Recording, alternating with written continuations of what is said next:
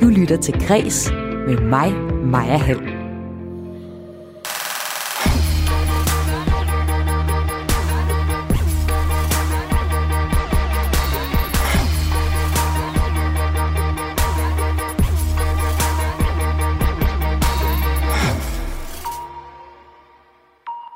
Folkemusikfestivalen Tønder Festival søger lige nu en HR-chef, men det er et job uden løn. Den nye chef skal blandt andet håndtere personalesager blandt festivalens 3.000 frivillige, og alt, alt for mange andre opgaver, mener fagforbundet HK. Festivalens direktør svarer på kritikken først i programmet. Senere her i kreds kan du høre historien om Elvira Madigan og Sixten Spare. Den er tidligere blevet kaldt en kærlighedshistorie og en dansk version af Romeo og Julie. Jeg er så lykkelig, Sixten. Det er jo, det er jo. Men i dag burde vi hellere kalde det en MeToo-sag, der endte i mor, mener aktuel forfatter. Det er dog gå for langt i fortolkningen, vurderer medarbejder på Tosing Museum, der formidler fortællingen og er med her i kreds senere i programmet. I dagens udsendelse kan du også høre om copy-paste-journalistik, og så fejrer Kreds Spil Dansk 20-års jubilæum. Jeg hedder Maja Hall. Velkommen til Kreds, dit daglige kulturprogram her på Radio 4.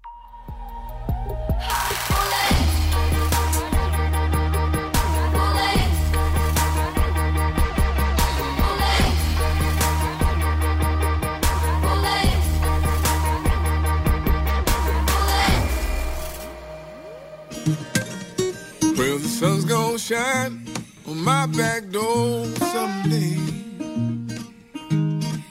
You know the sun's gonna shine on my back door someday. Well, now the sun's gonna shine on my... Den amerikanske sangskriver og guitarist Kep Mo, som vi hører her, en musiker i verdensklasse inden for country og blues, er en af de musikere, der allerede nu er blevet annonceret til Tønder Festival 2022. For også i Sønderjylland arbejder de efter to år med aflysninger lige nu på den kommende sommers festival. Og hvis du øh, har erfaring med HR, kan du lige nu blive en del af holdet bag Danmarks førende festival inden for folkemusik. Lige nu har Tønder Festival nemlig et stillingsopslag ude, hvor de søger en HR-chef. Men du kan kun blive en del af holdet, hvis du er klar på ikke at tjene en eneste krone, for jobbet er frivilligt og det er et problem. Det mener min øh, første gæst her i Kreds, det er formand for HK Privat Syd øh, på Sydjylland, Henny Fisbæk. Velkommen øh, til dig, Henny. Tak skal du have. Og også velkommen til dig, Kirstine Urbrandt.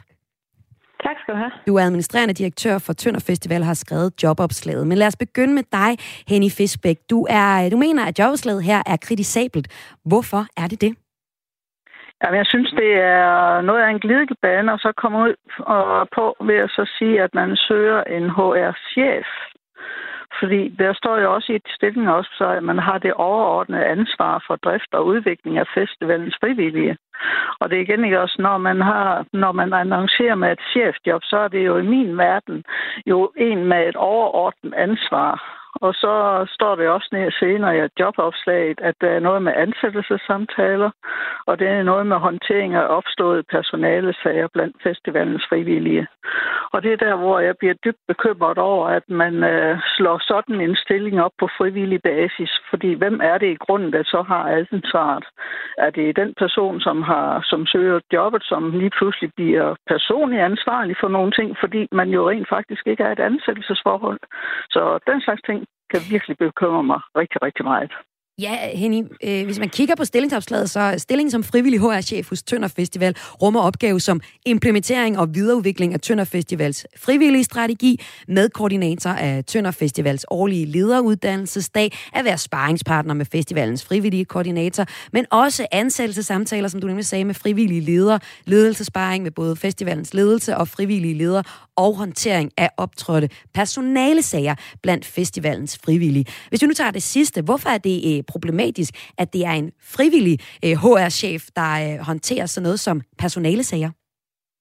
Jamen det er netop det igen, ikke også? Hvor er det så, at man øh, som frivillig står, hvis det er sådan, at man håndterer en øh, personalesag øh, forkert? Fordi det kan man jo lynhurtigt komme til, hvis det er sådan, man ikke er inde i de juridiske ting, lige omkring personale.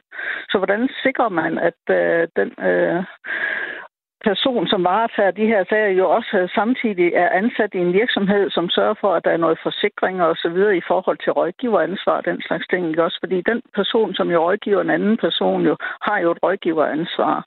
Og det vil det jo automatisk være, når man skal til at opstå øh, opstået personalesager.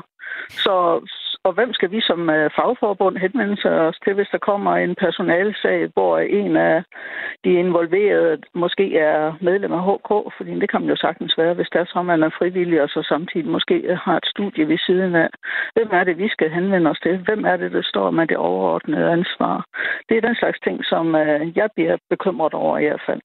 Så Henny Fiskbæk, dit, øh, din kritik af, af det her opslag, det er både, at opgaverne er for mange, og også, at ansvaret er for stort. Du ser simpelthen, at, at det er et opgavemængde, der vil tage 37 timer. Hvis vi kigger på opslaget igen... Ja, men, så, ja. Hvis man tager ansættelsessamtaler blandt andet, ikke? også nu er jeg selv involveret, når det er sådan, at der skal være ansættelsessamtaler for dem, der er i mit team. Og når jeg tænker på, hvad det tager tid, ikke også med at så for det første så lave jobopslagene, og så derefter ikke også så sortere i alle de ansøgninger, man får.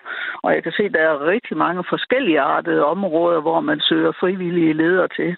Så et par hundrede frivillige ledere, der skal ligesom øh, læses jobopslag på, ikke også, så kommer der nok mere end et par hundrede ansøgninger. Så, så den vej rundt, så øh, er det da i min verden godt nok noget af et øh, fuldtidsjob. Og det... Og, og hvis man så samtidig øh, påstår, at det her det kan gøres på frivillig basis, og man har et fuldtidsjob ved siden af, jamen øh, hvilken arbejdsgiver vil sådan set nægge til at huske man lige at sige til ens arbejdsgiver, jeg har fået et job som HR-chef i siden af. Øh, der kan blive nogle personalemæssige ting der i hvert fald. Og hvis man er ledig, jamen så skal man jo huske at opgive de timer, man øh, bruger på det her job. Så der er rigtig mange ting i det her, som jeg synes ikke, der er taget højde for i den her jobannonce. Ja, du har egentlig mange kritikpunkter. Og, øh, og det, som HR-chefen her på Tønder Festival øh, får af ansvarsområde, det er ansvaret for de frivillige, som dækker over 3.000 personer. Kirstine Urbrandt, administrerende direktør for Tønder Festival. Nu skal vi så høre dig er øh, stillingsbetegnelsen, der dækker over opgaver for øh, 37 timer. Hvorfor er det et frivilligt job, Christine? Ja, når det var, vi er en øh, frivillig organisation. Tønder Festival er først og fremmest øh, frivillig, øh, hvor vores grund-DNA, det er frivillighed. Det er frivillig hjerteblod og frivillig ildsjæleånd, der er med til at give den festivaloplevelse, som vores publikummer de er så glade for, og som vi er kendt for ude i verden. Det er simpelthen det her værtskab og den måde, som vores frivillige de, øh, de former og driver festivalen på. Så de er med til at gøre den helt unik. Øhm, så har vi også en frivillig bestyrelse i vores festival, og vores formål det er almennyttigt. Så det vil sige, at hvert år det overskud, der kommer fra festivalen, fra salg af billetter og mad og drikkevarer osv., det deles ud til kulturelle formål, til almennyttige kulturelle formål, som kommer øh, alle til gode. Øh, så man kan sige, at vi har jo en konstruktion. Det er jo hele vores øh, struktur, der hviler på frivillighed. Eller vi har det er det jo ikke en, en, helt, Christine. må jeg lige Fordi vi har et... nogle øh, funktionsledere, som, øh, som er ledere af bar- og madfunktioner, og så har vi de her sektionsledere, som er for eksempel en øh, frivillig sikkerhedschef, frivillig HR-chef, frivillig IT-chef og frivillig økonomichef og sådan noget. Så det er vores, det er vores struktur, det her. Og man kan sige, at det er rigtigt, der er rigtig mange ledere på Tønder Festival, og de gør et kanon, kæmpestort stykke arbejde. Det gør de, og de arbejder også året rundt. Men de arbejder ikke 37 timer hver uge, som man ser det på en virksomhed. Altså, så derfor så, altså det, det, er ikke en, øh, det er ikke en 37 timers stilling, det her, fordi dem, man ligesom arbejder med, de her ledere, de er heller ikke, altså de arbejder heller ikke 37 timer. De går selvfølgelig til nogle møder året rundt, men, men der er jo allermest at se til lige op til festivalen. Og måske også rigtig, rigtig meget at se til op til festivalen. I er, som du siger, en øh, non-profit festival, men I har jo så også seks fuldtidsansatte og en deltidsansat. Øh, frivillig koordinatoren, som HR-chefen skal arbejde tæt sammen med, er lønnet. Hvorfor er det, I vælger, at lige præcis HR-chefen ikke skal være lønnet? Altså man kan sige, at der er flere grunde til det. Øhm, som vi også skriver i stillingsopslaget, så arbejder den her frivillige HR-chef meget tæt sammen med frivillige koordinatoren, som sidder og laver alt drift og administration og sådan noget på det her område. Og derfor så, øh, som det lige blev sagt før, det er ikke den øh, HR-chefen, der sidder og skriver alle stillingsopslagene og sådan noget. Øh, det er frivillig koordinatoren, der sidder og laver alt driften, indkalder til samtaler osv. Øh, og det er ikke det er ikke 3.000 stillinger, der bliver slået op. Vi, stiller, vi har en regel om i vores organisation, at vi slår alle lederstillinger op, fordi vi vil gerne have sådan en form for gennemsigtighed. Og ja, der går vi ud og søger efter nogle særlige kompetencer, og det har vi haft rigtig meget held med at søge efter, når det er de her stillinger som sikkerhedschef, partnerskabschef osv., at vi går ud øh, og, og laver et stillingsopslag, hvor vi skriver, at det har også rigtig meget at gøre med øh, øh, hvad kan man sige, at man, man ved, hvad det er, man skal. At, øh, øh, altså, at men, man, men, men som jeg ligesom spurgte dig til, hvorfor og, er det, at, øh, at nogle øh, af, af dem, øh, der sidder, øh, altså at der er seks fuldtidsansatte og en deltidsansat. Hvorfor er det ikke en af, af dem, der er HR-chefen? Jeg tænker, en HR-chef, det er der vil for søren, der er behov for, at det er en, der er, er, kan rumme hele det ansvar, også med en løn, når der er så mange øh, mennesker og øh, så mange sager, øh, kan der jo være på en festival. Så fat i. Altså, der er helt sikkert også noget historisk i det. Altså, at, det, at vi har haft øh, frivillige HR-chefer øh, flere gange tidligere. Så der, der er også noget historisk i, at det er, at det er sådan, vi har gjort. Øh, og det har, øh, det har været en rigtig god måde at gøre det på, fordi vi har fået nogle kanondygtige mennesker, der har siddet og arbejdet med ledelse og øh, HR og alt sådan noget i deres lønnede job, der synes, der brænder for festivalen og har en kæmpe stor kærlighed til festivalen og synes, det kunne være skægt at bruge deres kompetencer på, på at arbejde, bruge det, de kan på at hjælpe festivalen, ligesom hvis man sætter sig en bestyrelse på baggrund af nogle kompetencer, man har. Men du kan også høre Henny Fisbæk, formand for HK Privat i Sydjylland, sige, der er godt nok mange ting, hun ikke ved, øh, hvem der så rigtig reelt har ansvaret for. Jeg ved, det er dig, der har det endelige ansvar, når, øh, hvis, ja. hvis der skulle være øh, noget, der opstår. Men jeg ved også, øh, Henny Fisbæk, for lige for dig med igen, at øh, du kan se et problem i, hvis der for eksempel skulle opstå en sag om seksuel, øh, seksuel øh, chikane. Hvad, hvem er det så, der egentlig tager ansvar for det? Prøv lige at uddybe din, øh, din øh, bekymring her, Henny.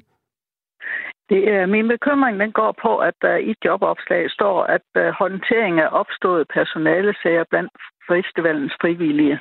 Og øh, der kan være lynhurtige, altså med så 3.000 øh, festivalfrivillige, så kan det jo skulle det da undre mig meget, hvis der ikke var øh, mulighed for en, øh, en eller anden sag. Ikke? Også, det kan være seksuel chikane, og det kan være, hvad det hedder, mobning eller lignende, ikke? Også, hvor man siger, jamen okay, øh, hvor, hvem er det så, man der har det ansvaret, hvis det er sådan, at den pågældende HR-chef går ind og håndterer den her sag og rådgiver forkert i sådan en sag. Hvem har rådgiver ansvaret i forhold til det? Fordi det er jo dybest set, når der står HR-chef, og der står i jobadslaget, at man skal gå ind og så har, øh, man skal håndtere opståede personalesager. Jamen, en chef har jo i virkeligheden et ansvar. Men det hører jeg så her, at det har man ikke alligevel. Og så, så det, der er min anke, er ikke, at det er frivillige og alt det der, ikke også det er al ære og respekt for det, men at man går ind og så titulerer en person med cheftitlen, uden at vedkommende har øh, et ansvar, det giver simpelthen råd i forhold til, når man er frivillig. Jamen, hvem er i grunden så chefen her, når det er sådan, at det alligevel bliver håndteret forkert. Hvem, hvem har i grunden det ansvar? Hvor er det, jeg kan gå hen og sige, det her, det var forkert rådgivet. Hvem kan jeg stille til ansvar for den forkerte rådgivning? Så dit, uh, dit helt store kritikpunkt, det er... Må jeg lige sige noget? Ja, det er, ven, det er for at opsummere, hvad, hvad Henny Fisbæk uh, siger her, så opsummerer, at det, det helt store problem, det er faktisk titlen chef. Christian uh, Urbrand her til sidst. Kunne du finde på at ændre øh, opslaget, når du nu hører den her kritik fra formand for HK Privat i øh, Sydjylland? Altså, jeg vil lige sige, at der er jo ingen tvivl om, det er mit ansvar. Det er bestemt også noget, der, der fremgår, når vi skal i gang med at have samtaler og så Men jo ikke opslaget. Det er mit ansvar. Nej. Og det, og det kan man jo så sige, at vi, øh, at vi burde gå ind og rette. Og det, Kommer I til at ændre det, det her det, efter, efter den her snak, Christine? Ja, det synes jeg da, fordi hvis man kan misforstå det, så skal det selvfølgelig ikke være sådan. Så det synes jeg, der er en rigtig god idé. Tak fordi, at øh, du var med her, Kirstine Urbrand, administrerende direktør for Tønder Festival. Og også tak til dig, Henny Fiskbæk, formand for HK Privat Sydjylland. Altså tak, fordi I var med på historien om, at øh, Tønder Festival søger en ny HR-chef, og øh, kritikken gik så her på, at det er en chef, der ikke får nogen løn. Hvis du alligevel er interesseret i opslaget, og nu har du altså nuancerne her i mente, ja, så er der ansøgningsfrist den 1. december. Du lytter til Græs med mig, Maja Hall. Om lidt skal det handle om copy-paste-journalistik. For for nylig er BT blevet kritiseret af flere medier for at citere dem lige lovligt meget. Men de såkaldte citathistorier kan faktisk også have en nyttig funktion i demokratiet, det fortæller lektor i medieret Thomas Pallesen. Men inden jeg får besøg af ham, så skal det handle om en rå romantisk historie. En historie, der så måske skal skrives om. Jeg sætter lige lidt lækker underlægningsmusik på, og så får du lige historien her.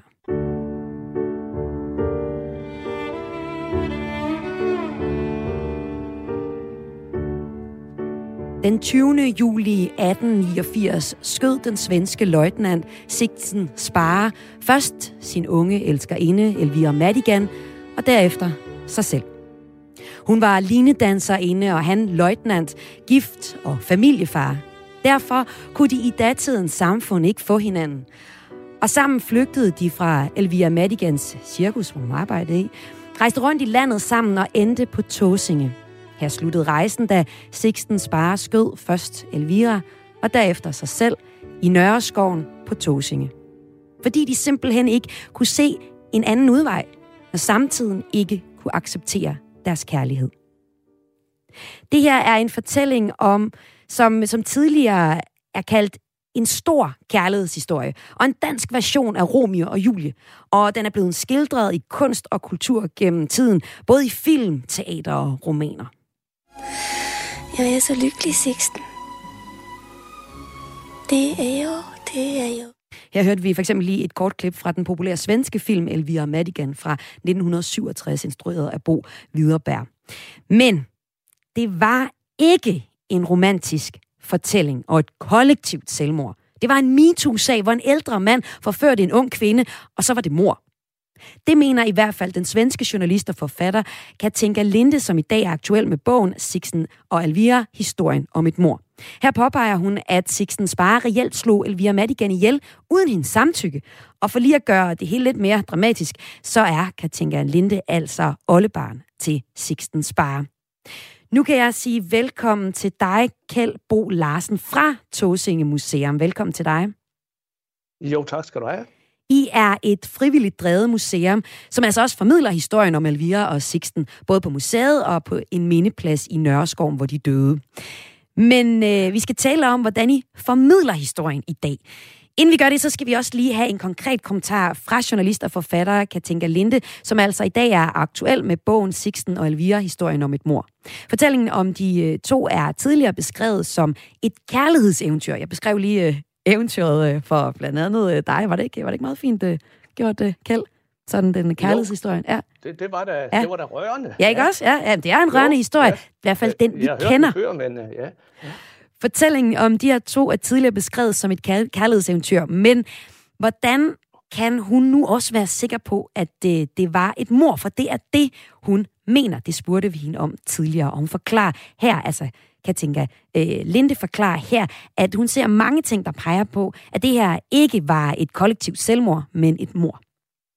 Der er så mange detaljer i den her fortælling, som har fundet sig hele tiden. Man har kunnet se dem, men man har ikke velat se dem. Ta for eksempel deres bagage. Når to personer tager afsted fra Sverige, og den ene Elvira Madigan har alt, hvad hun ejer og har med sig i et kæmpe bagage. Og den anden kun har en lille taske med nogle få tøj og sin revolver. Det synes jeg taler for sig selv. Ja, det ikke, jeg tænker, Linde forklarer her, det er, at hun tænker, der er mange ting, der peger på, at det her ikke var et kollektivt selvmord. For eksempel, at man kunne se deres rejsekufferter, da de flygtede sammen. At vi hun har pakket hele sit liv ned i en kuffert, mens Sixten næsten ikke har nogen oppakning med, men kun medbringer en revolver. Og det peger på, mener hun, at de øh, havde forskellige hensigter med turen. Altså, at Elvira troede, at det her var en tur, der skulle øh, ende ud i, at de skulle starte et nyt liv op sammen, mens Sixten måske hele tiden havde til hensigt, at det skulle slutte med mor og selvmord. Kjeldbo Larsen fra Tåsing Museum, du synes, at Katinka Linde går for langt ved at kalde det et mor. Hvorfor? Øh, jeg, jeg synes, vi, vi mister nogle af nuancerne, hvis man øh, på, på forhånd sådan kommer med simple og hurtige forklaringer på komplicerede spørgsmål. Øh, vi, vi mister de detaljer, der er undervejs. Ikke? Altså nu, nu, nu, nu nævnte kan tænke her en detalje, for eksempel med, med bagage. Mm. Øh, jeg ved ikke, om man... Jeg kan næsten referere til min egen familie, når vi tager på ferie. Ikke? Så, øh, der har jeg heller ikke så meget med, men øh, min, min kone har meget mere med. Ikke? Altså, øh, jeg ved ikke, om det kan sammenlignes. Øh, oh, men det, det er nok det ikke mere... sådan, at din kone pakker hele sit liv ned i en kuffert, og du tager en revolver med. Det håber jeg absolut Næppe, ikke. men altså øh, omfanget af bagagen, kan man sige. Ikke? Men Sixten har jo også bagage med. Ikke? Nu, men, men det, hun jo egentlig kommer med her... på spidsen, ikke? Ja. Jeg tænker, det er jo egentlig netop det, du, du siger er vigtigt. Altså, detaljer, nuancer, noget, der kan give en historie, som egentlig er blevet præsenteret ja. som en, en enkel Romeo og Julie-historie i Danmark. Hun giver den nogle flere perspektiver og siger, vi kender ikke hele historien. Det kunne også være et mor.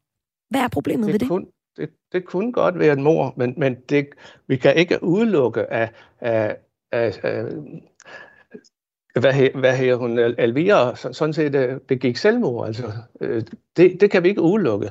Øh, og vi kan også, vi kan også sige, at Øh, Øh, man er egentlig uskyldig til det modsatte bevis. Det er sådan en, en gængs øh, retspraksis, vi har i, i Danmark, og det synes jeg også skal gør sig gældende her. Øh, der har været politikere, der, der har kørt mig frem med, at, at sigten skulle graves op og erklæres for morder. Når man anlægger den holdning, synes jeg, vi mister alle de detaljer, der kan være i det. For Elvira har sandsynligvis må have vidst, hvordan det gik, øh, hvad vej det gik. Altså, der har været en korrespondence for enden mellem Elvira og Sixten Spørger, ikke? Hvor, hvor spørgsmål har måske været op. Altså, Sixten har måske troet med, med selvmord, her har måske lovet guld og grønne skov, det kunne jeg forestille mig, og hun har frivilligt taget med ham jo. Altså, det, det, er jo ikke, det, det har ikke været tvunget, det her. Hun har sandsynligvis flygtet fra en, måske en kummerlig tilværelse og for, forventet en, en bedre, et bedre liv derefter. Det er nok derfor, hun har flygtet, ikke? Vi kan også sige, jamen, jamen, hvornår vidste hun, at, at de skulle begå selvmord, som jeg kalder det, eller at de begge to skulle dø? Jeg tror, det har været på et tidligere tidspunkt, i hvert fald allerede, da de tog over øh, fra, fra øh, Hotel Svendborg og til Torsinge øh, om mandagen. Det er så det, vi kalder den 15. juli. Ikke? Øh, der var de forgældt, de, de, de flygtede fra hotelregning og, og vidste også godt, at de ikke havde nogen penge til at at indlogere sig på, på det pensionat, de, endte på. Øhm, jeg synes, der er flere detaljer, der viser, at Elvira måtte have vidst det på forhånd længe, eller i hvert fald nogle dage i forvejen, hvad vej det gik, og have haft det på fornemmelsen. Hun kan heller ikke undgå at bemærke, at, at Sixten har gået rundt med en, en revolver. Jo, ikke? Altså det, det, kan ikke, det, kan, det, det synes jeg ikke, man kan, man kan bare tage hende så. Og øh, Katinka Linde, som øh, kommer med kritikken af, af myten om øh, Elvira og Sixten, altså der går på, at man ikke ved entydigt, at det var et, et kollektivt selvmord. Men hun har så også besøgt jeres museum for nylig, og hun ja. synes faktisk, Kjeld, at I formidler historien okay nuanceret. Men hun peger også på, det skal vi høre her, at I godt kunne gøre det lidt bedre. For eksempel i teksterne. Prøv lige at høre, hvad hun siger her. Jag syns att de förmedlar historien riktigt. Nu kommer jag med min andra bok i ämnet och måske ska de läsa den lite nöje och skifta lite av det mest øh, sockersöda av romantiken ut. Alltså det är ju i alla texter som skrivs så skriver man ju om kärlekshistorien. Jag tror säkert att Elvira var glad för Sixten. Och måske Sixten var glad för de här sista åren i sitt liv att ha dem med Elvira vid sin sida, men någon kærlighedshistorie var det ikke. Kjeld Bo mm. Larsen fra Tåsinge Museum, med den her kærlighedshistorie, som du kan høre, øh, hvor øh, Katinka Linde er rigtig træt af at høre om. Nu synes jeg, siger, at den er for sukkersød. Kunne I godt skifte mm. nogle af ordene ud i jeres tekstmateriale om øh, Elvira 16? Uh, den udstilling, vi har, den har været under renovering flere gange, og, og, men man vil nok sige, at grundsubstansen stammer helt tilbage fra, fra stifteren, ikke Paul Fredholm, i, i 1957, hvor, hvor effekterne også kommer derfra. Jeg kan sige, der kommer nogle del øh, mere til efterhånden. Oh, men man kan vel godt opdatere teksterne, selvom at, at der er en, der har fundet på det for, for lang tid Det kan du tro, det kan man også. Kan vi øh, det har vi for eksempel. Igen? Det har vi, det er under overvejelse, ikke? men vi må mm. sige, at den fremstilling, vi har nu, det er, må jeg nok sige, en, en del af vores DNA, kan man sige. Ikke? Det, er, øh, det er det publikum efterspørger. Ikke? Det er det, Men som hvis, de hvis der nu den helt store kærlighedshistorie ikke er, er sandheden, så bliver man vel nødt til at, at gøre nuancerne meget tydeligt. For man kunne selvfølgelig også komme med en kritik af Katinka Linde og sige, jamen, hvor har du øh, din, dine sammenslutninger fra? Men det vigtigste af alt, det er vel at sige, det her, det er, hvad vi ved, og så må det være op til øh, dem, der kommer ind og besøger museet, og, og, og slutte, om det var en lykkelig eller ulykkelig, øh, en ulykkelig slutning på kærlighedshistorien, men om det var en ren Romeo og Julie, eller om det var måske mere et, øh, et mor. Jeg, jeg tror da nok, at udstillingen skal være under, under overvejelse hele tiden. Det gør vi også, ikke? Altså, mm. For eksempel så, øh, altså vi sælger jo også materiale, der har for, forskellige holdninger til det. Vi har lavet en ny øh, øh, tavle ude i, i Nørreskoven, som, som tager nogle af de romantiske ting væk, øh, og vi har haft et samarbejde med et, en, det, der her Sans 1, hvor, hvor de har lavet en lydvandring, hvor man netop øh, påpeger nogle forskellige øh, ting, øh, altså hvordan man, man ser historien.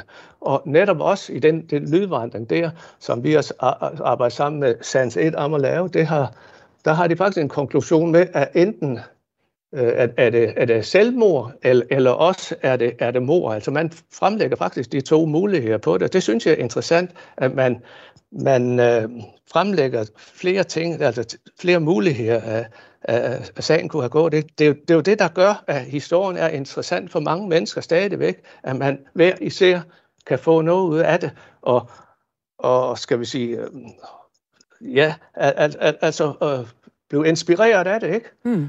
Ja, det, det er noget, der bliver ved med at optage folk. Fortællingen om Sixten Spar og Elvira ja. Madigan, som du også sagde, har, har skabt flere gange, har, har skabt debat øh, lokalt. Tidligere tilbage i august, som du lige sagde før, ikke, der kom byrådsmedlem Karl Magnus øh, Bidstrup fra Socialdemokraterne med et ja, forslag om ja. at grave Sixten ja. Spar op og flytte ham til enten Sverige, hvor han kommer fra, eller til den anden ende af, af landet Kirkegård, som, øh, som det ligger på, så han ikke ja. ligger ved siden ja. af sit offer. Det var øh, et forslag, som ikke mødte lokal opbakning, blandt andet fordi man var i tvivl om, hvorvidt der efter 132 år reelt var et lige, man kunne grave op. Men altså, øh, pointen øh, var man jo i hvert fald kritisk over for under alle omstændigheder. Nu, nu nævner du så også Nørreskoven her.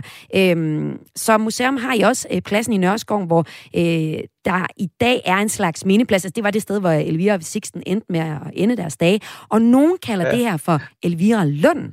Men jeg ved også, der er andre, ja. der kalder det for morpladsen. Lige her til sidst. Det er rigtigt, ja. ja. Hvad mener du, man øh, bør kalde pladsen? Jamen, jeg kalder det Alvira-pladsen, ikke? eller Alvira-lunden. Ikke? Det er det, det, den hedder lokal. Ikke? Øh, og og, og det, det, det er noget, jeg synes, vi skal have om. Øh, jeg bryder mig ikke om, at man kommer øh, fra et, et andet land, eller, eller, eller, eller, et, jo, eller definere, hvordan vi skal, vi skal omtale vores lokaliteter. Altså, hvis du forstår, hvad jeg mener, ikke? Altså, mm. det, det synes jeg, det er det lokale selv, der bør definere det. Hvad her det lokale, ikke? Og, og det er et, et gammelt ord, som jeg tror, Altså, jeg slår det op, altså, det, det findes allerede beskrevet i, i 1924 som, uh, som en lokalitet i Nørreskoven. Ikke? Så, så den vil jeg gerne uh, bibeholde. Og, og ved at man kalder det morpladsen, så signalerer man jo også meget kraftigt, at, at det var et mor. Mm. Og, og det er vi jo så ikke 100% sikker i. Jeg er ikke 100% sikker på, at det var uh, mor. Altså det, jeg er kun 99% sikker, men, men øh, det kan ikke udelukkes, som jeg sagde før, at, at Elvira kunne have skudt sig selv. Sag her Kjeld Bo Larsen fra Tåsinge Museum. Og det er altså her, her, du kan se en udstilling om Elvira Madigan og Sixten Spare. I øh, den lokale Nørreskov finder du så også øh, mindepladsen, mens du skal til Landet Kirke, det hedder det sted, for at se deres gravsted. Et andet sted, øh, hvor man også fortæller historien om Elvira Madigan og Sixten Spar, det er på Visit Svendborgs hjemmeside. Her kan man fx læse, at historien om deres romantiske møde, kærlighedsforholdet, flugten og parets dramatiske endeligt, er et skoleeksempel på en historisk begivenhed, der danner legende. De valgte at ende deres dage i Nørreskoven på Tåsinge. Kærlighedsdramaet om de to elskende giver til stadighed inspiration til blandt andet teaterstykker og historiefortællinger. Øh, Katinka Linde, som i dag er aktuel med bogen Sixtens Vare og historien om et mor, er kritisk over for øh, den her beskrivelse. Jag blev förbasad när jag såg eh, øh, det som står på hemsidan. Jag hade inte sett det förr. Det är som att de inte har, har eh, lyttet till vad man har snackat om i de sista år. Det är fullt av kärlighet och hela, hela den texten är skriven i en ond av att det er to personer som er ens. Vi har her på Kreds på Radio 4 inviteret Visit Svendborg til at være med i dag, men de har ikke ønsket at deltage. I stedet fra øh, svarer Anders Ulrik, der er formand for Turistforeningen i Svendborg, i et skriftligt svar. Han skriver til os, vi anerkender kritikken og kan forstå, at hun fremlægger den, når hun har kigget øh, historien efter i sømmene. Jeg vil ikke afvise, at det kan give anledning til, at vi skal ændre vores præsentation af fortællingen. Og så fortsætter vi lige alligevel lidt videre med den her historie her i Kreds. For øh, nu skal det handle om Elvira Madigan og Sixten Spare og fortællingen i musikken.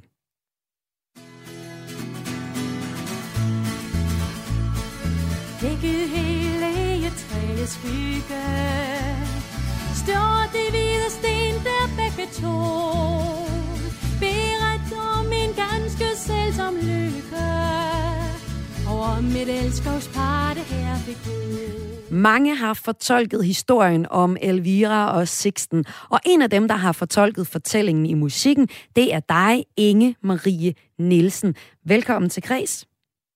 Mange tak skal du have. Sammen med din øh, mand, Andreas P. Nielsen, har du sunget og optrådt som Dressinebanden, hvor I øh, ja. med jeres øh, folkemusik også har været nomineret til en Grammy to gange, og blandt øh, nogle af de mest ønskede artister i programmet Siv 413. Og her der hørte vi lige et kort klip fra jeres sang Elvira og Sixten fra 91. Hvad ja. tildelte dig ved den her fortælling, da du blev præsenteret for den i første omgang? Nok som den her øh, store Romeo og Julie-historie. Ja, altså i første omgang, der tænkte vi jo, hold det op, den historie, den skal da, den skal da leve videre. Øh, på det tidspunkt, hvor, hvor min mand han, øh, skrev sangen øh, og tog det her op, øh, der var der ikke så meget øh, øh, virak omkring øh, den her historie. Og, derfor, og det gjorde han jo meget, at han tog ting op, som måske var lidt ved at gå i glemmebogen, for lige at friske det op, så man husker det stadigvæk. Så det, det, det, var, det var bevæggrunden i første omgang. Den her historie, den har jo så øh, ændret sig lidt over tiden. Altså, øh, nu er vi for eksempel, at det kan også være, at det ikke var et kollektivt selvmord, som øh, Elvira og Sixten lavede i Tåsinge, men at det faktisk var et mor, altså at Sixten slog Elvira ihjel, og derefter sig ja. selv, fordi han ikke kunne holde ud og skulle leve under sådan et uh, uaccepteret forhold, som de havde. Altså han stak jo af for sin kone for at være sammen med Elvira. Hvad gør ja. det ved dig at kende den del af historien? Altså det, øh, fra starten af var vi jo også øh, lidt, øh, lidt kritiske over for, hvad der foregår, fordi i realiteten er der jo ikke et øje, at der kan vide, hvad der egentlig skete. Øh, man kan kun gisne om det, og, og det, det kan vi jo efter min mening stadig kun gøre.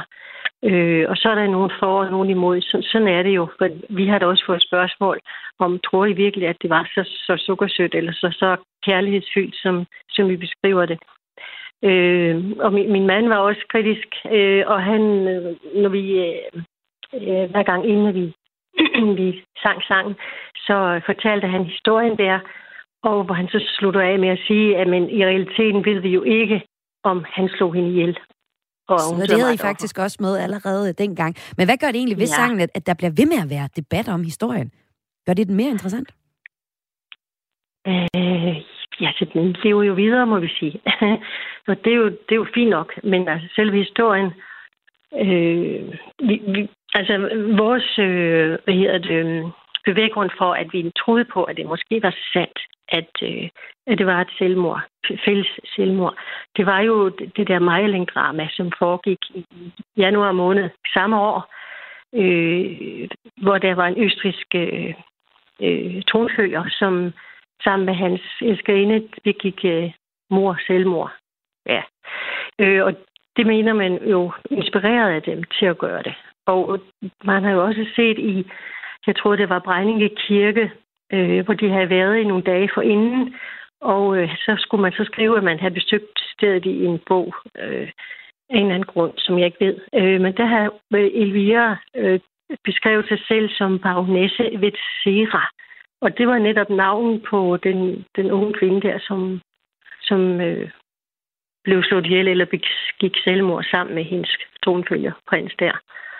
Øh, og, og derfor så, så blev vi enige om, at så, altså, er der jo nok så er det jo nok et fælles selvmord. Inge-Marie Nielsen, Fordi lad de os var også... inspireret. Ja, de var inspireret af det. Det var da ligesom det, jeg sagde. Det var det, der fik jer til at sige, at det, at det nok var et selvmord. Øhm, ja. Lad os lige prøve at dykke ned i sangen, og jeg vil også gerne høre lidt om jeres tanker i forhold til både tekst og melodi. Vi tager lige en lille bid fra sangen her. Med julebøj, det gik ud over sundet.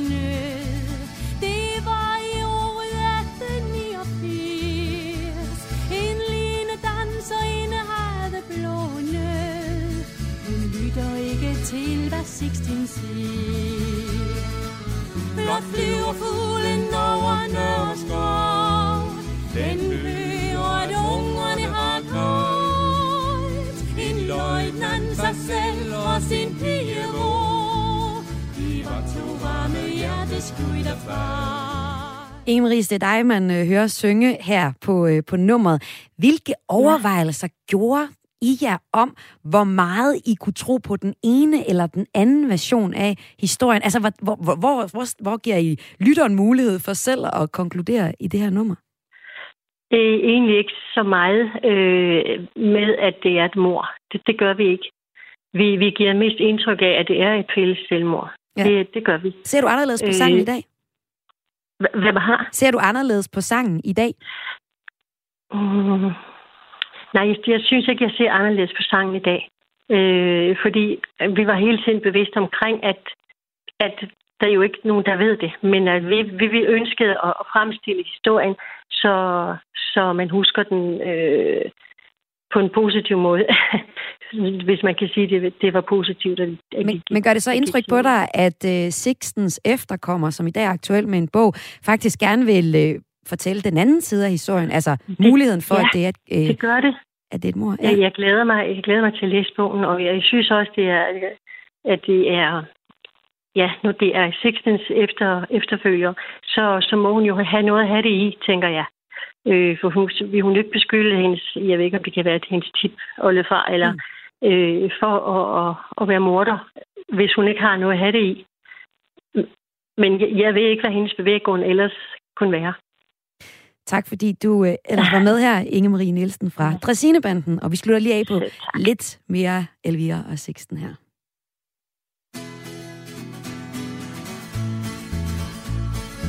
Dækket hele egetræets skygge. Står det hvide sten der begge to.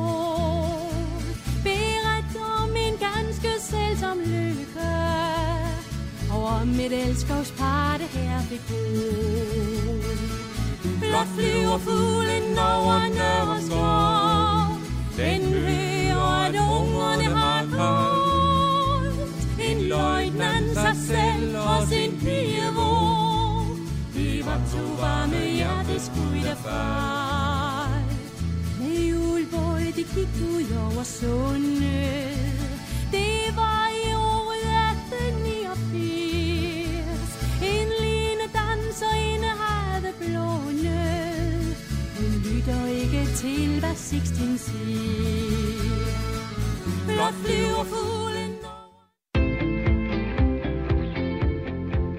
Lytter til Græs med mig, Maja Hall. Sidst her i udsendelsen, der får du en top 3 over de vigtigste danske sange de sidste 20 år, og her ligger et ret overraskende nummer på førstepladsen. Men inden du får lov at høre, hvad det er, der skal vi først øh, tale om copy-paste-journalistik, og hvorfor det kan være helt okay. Det er altså her i dit daglige kulturprogram Kreds på Radio 4. Forarvelsen var stor, den var enorm, da ernæringseksperten Christian Bitz og grossisten blev taget i at kopieret en øh, horsensiansk keramikers, keramikers øh, spisestel i stentøj og, og solgt i billigere versioner. Men når det gælder journalistik, så vækker copy-paste-metoden sjældent lige så stor forarvelse, fordi her er citathistorie, som det også hedder, helt almindelige.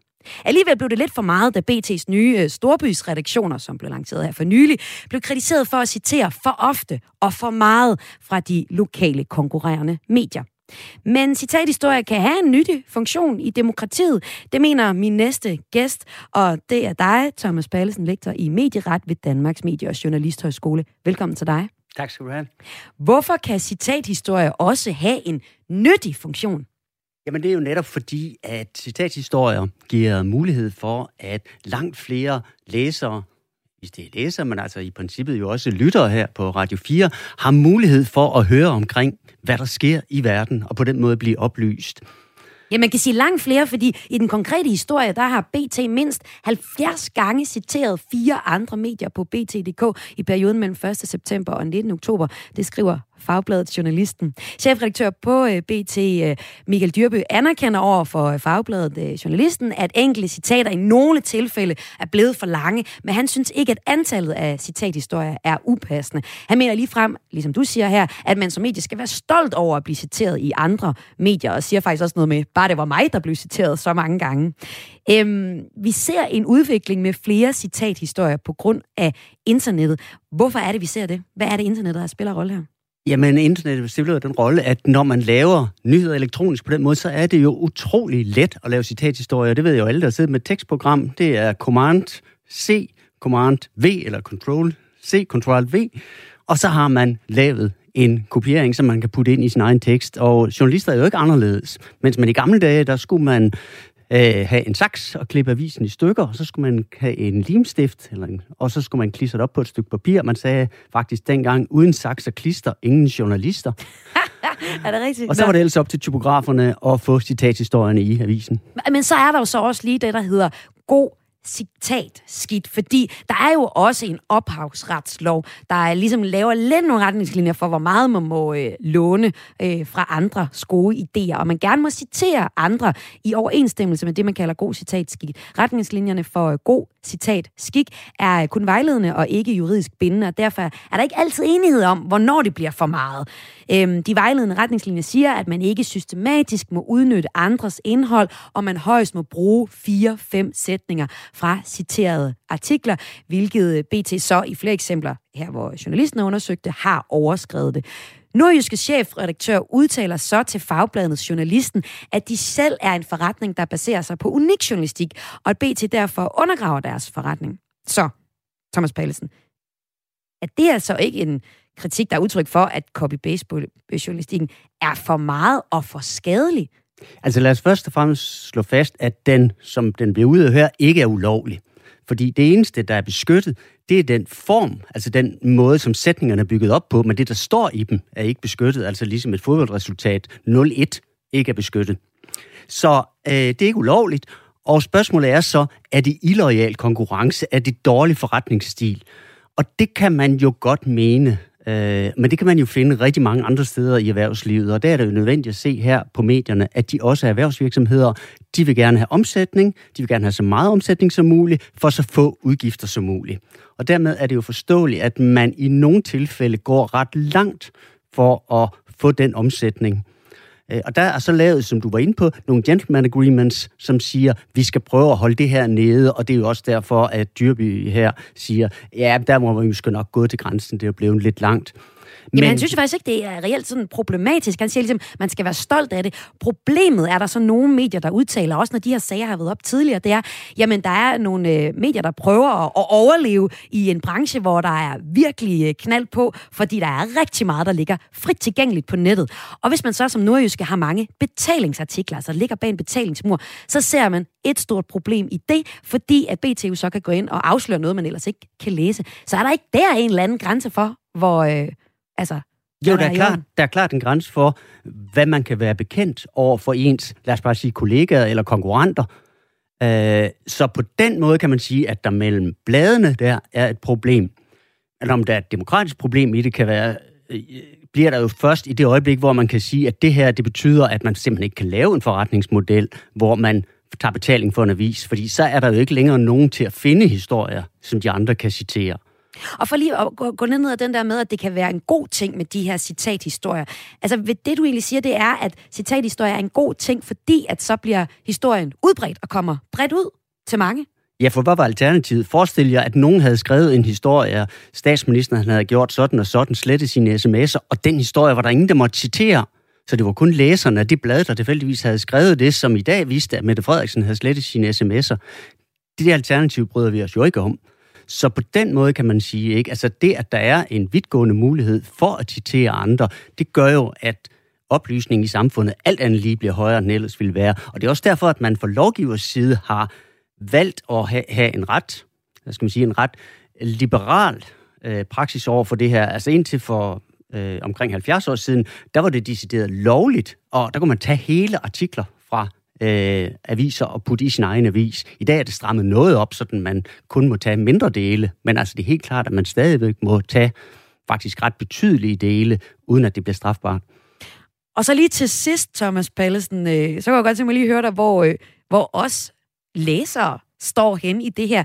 Mener du sådan, øh, som lektor i medieret ved Danmarks Medie- og Journalisterskole, at jeg som læser har et ansvar over for, hvad jeg klikker på? Ja, det har du i den forstand, at ligesom hvis du kunne købe de der bitch porcelæn, ikke? Altså, så kunne ja. man jo så sige, ja, så er jeg med til at ødelægge en forretningsmodel for dem, der virkelig gør noget. Så på den måde kan du være politisk forbruger. Øh, men... Men så skal jeg jo lige høre dig.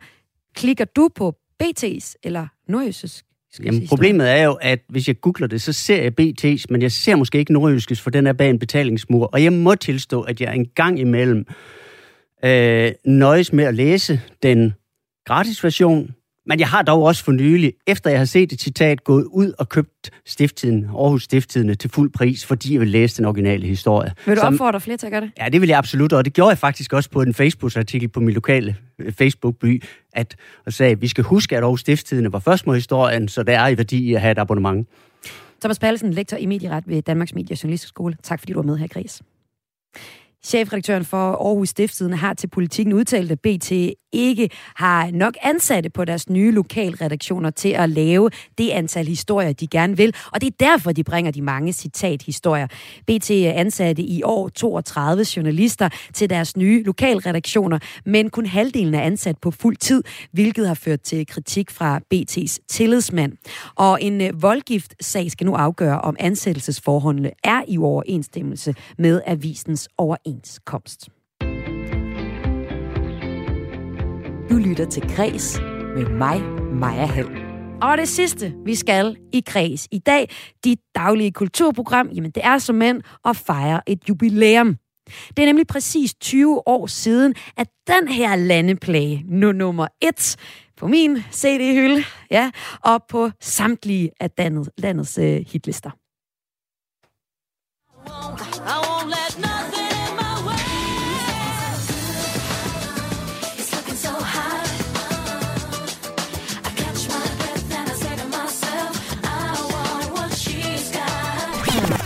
skal ikke handle om min pladesamling.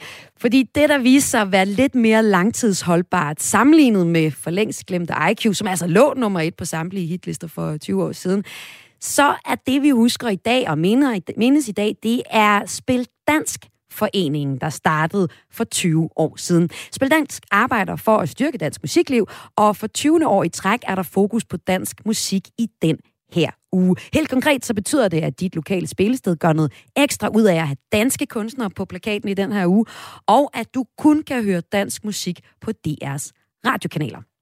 Jubilæet det fejrer vi her i Kreds øh, med en vaskeægte ildsjæl. En ildsjæl, der er helt vild med dansk musik. Og nu vil dele sin subjektive, er det jo så top 3 over dansk musik fra de sidste to årtier. Og velkommen til dig, Bøje Nielsen. Tak skal du have. Du er formand for Musikforeningen Musik i Rønde, med base på Kulturhotellet i Rønde på Djursland. Og så knokler du pt. lige nu for at få stablet en livesending i, øh, op på benene i anledning af Spil Dansk, ben, på, øh, Spil Dansk på fredag. Og jeg har så givet dig en fuldstændig umulig opgave, og det skal jeg beklage på forhånd. Men, det, var, øh, det var meget svært. Ja, Bøje, du, øh, jeg satte dig til at, at udpege tre af de mest skældsættende nedslag i dansk musikhistorie, siden Spil Dansk blev etableret i 2001. Og jeg kan sige så meget til lytteren, vi starter hyggeligt, og så slutter vi overraskende. Men lad os starte med tredjepladsen. Og øh, det, du mener, er de største sange herhjemme siden 2001. Det, øh... Jamen, prøv lige at sige, hvad er det for et nummer, ja, jeg sætter men på? Jeg, jeg var jo nødt til at prøve at, at, at lave nogle stikord, altså, eller nogle, nogle, øh, øh, nogle pejleord. Øh, og, og den første, det er øh, sjælen i musikken. Øh, og da jeg selv er meget optaget af bluesmusik, så, øh, og, og bluesen stammer fra den afroamerikanske øh, musikhistorie, så mente jeg, at en dansk blues, det måtte være på pladsen her. Nummer tre, øh, Ken Lending. It's been a long time since that day you went away. It's been a long time the day you went away. What a lonely feeling, baby.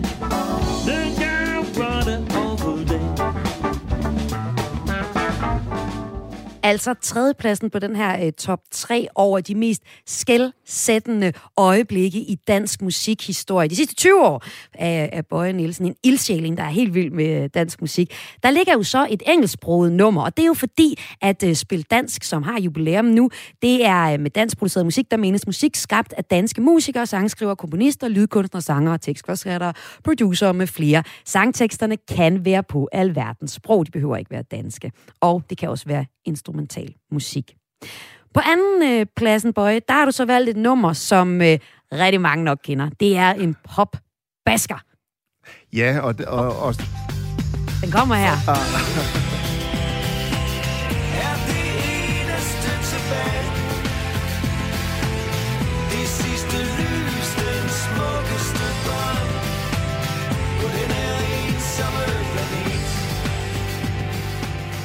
Bøje Nielsen og jeg, vi står og rocker i studiet til TV2.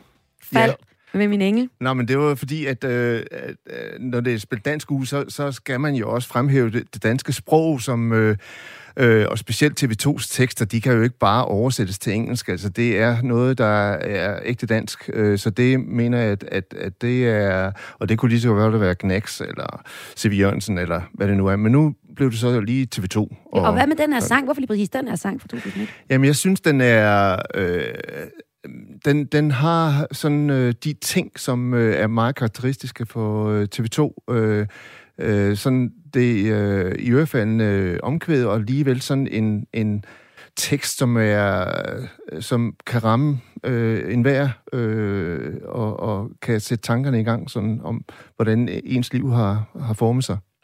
Og det var så nummer tre og nummer to på din liste over de vigtigste danske numre fra de sidste 20 år, fordi vi i dag fejrer 20 års jubilæum for foreningen Spil Dansk.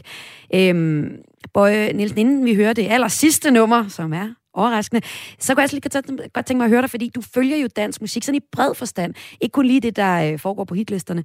Øhm, hvilken betydning har Spil Dansk haft for dansk musik i din optik? Jamen, det har været rigtig vigtigt, at der var nogen for 20 år siden, der fandt ud af, at det her, det bliver vi nødt til at sætte fokus på, fordi at øh, alt det musik, der kommer øh, ind over grænserne, det øh, gør, at øh, den, hvis den danske musik ikke øh, får sin plads og får sit fokus, så, øh, ja, så vil det langsomt øh, blive opslugt af alt muligt andet. Selvom jeg tror, at publikum øh, er meget bevidst om at øh, sørge for at bakke op om de øh, arrangementer, der er med dansk musik, og livemusik er jo også det bedste. Så, så på den måde, så er det, man kan jo komme ud og opleve øh, dansk. Hvis det er helt enig med dig. Ja. Så. Og det her er jo så noget af det, man kunne vælge at høre, hvis man skal lytte til din øh, musiksmag, og- og den er jo ret, den er god, ikke? Altså, du har jo ligesom rundt, og du kender den danske musiksmag, og kigget, eller den, du, har, du kender den danske musik, og øh, har jo så her øh, lavet en top 3 for os over, over det bedste. Øh, vi kan ikke trække spændingen længere. Nummer et på din liste over de mest skældsættende, livsomvæltende sange i Danmark siden 2001 kommer her. Jeg har klippet omkvædet ud.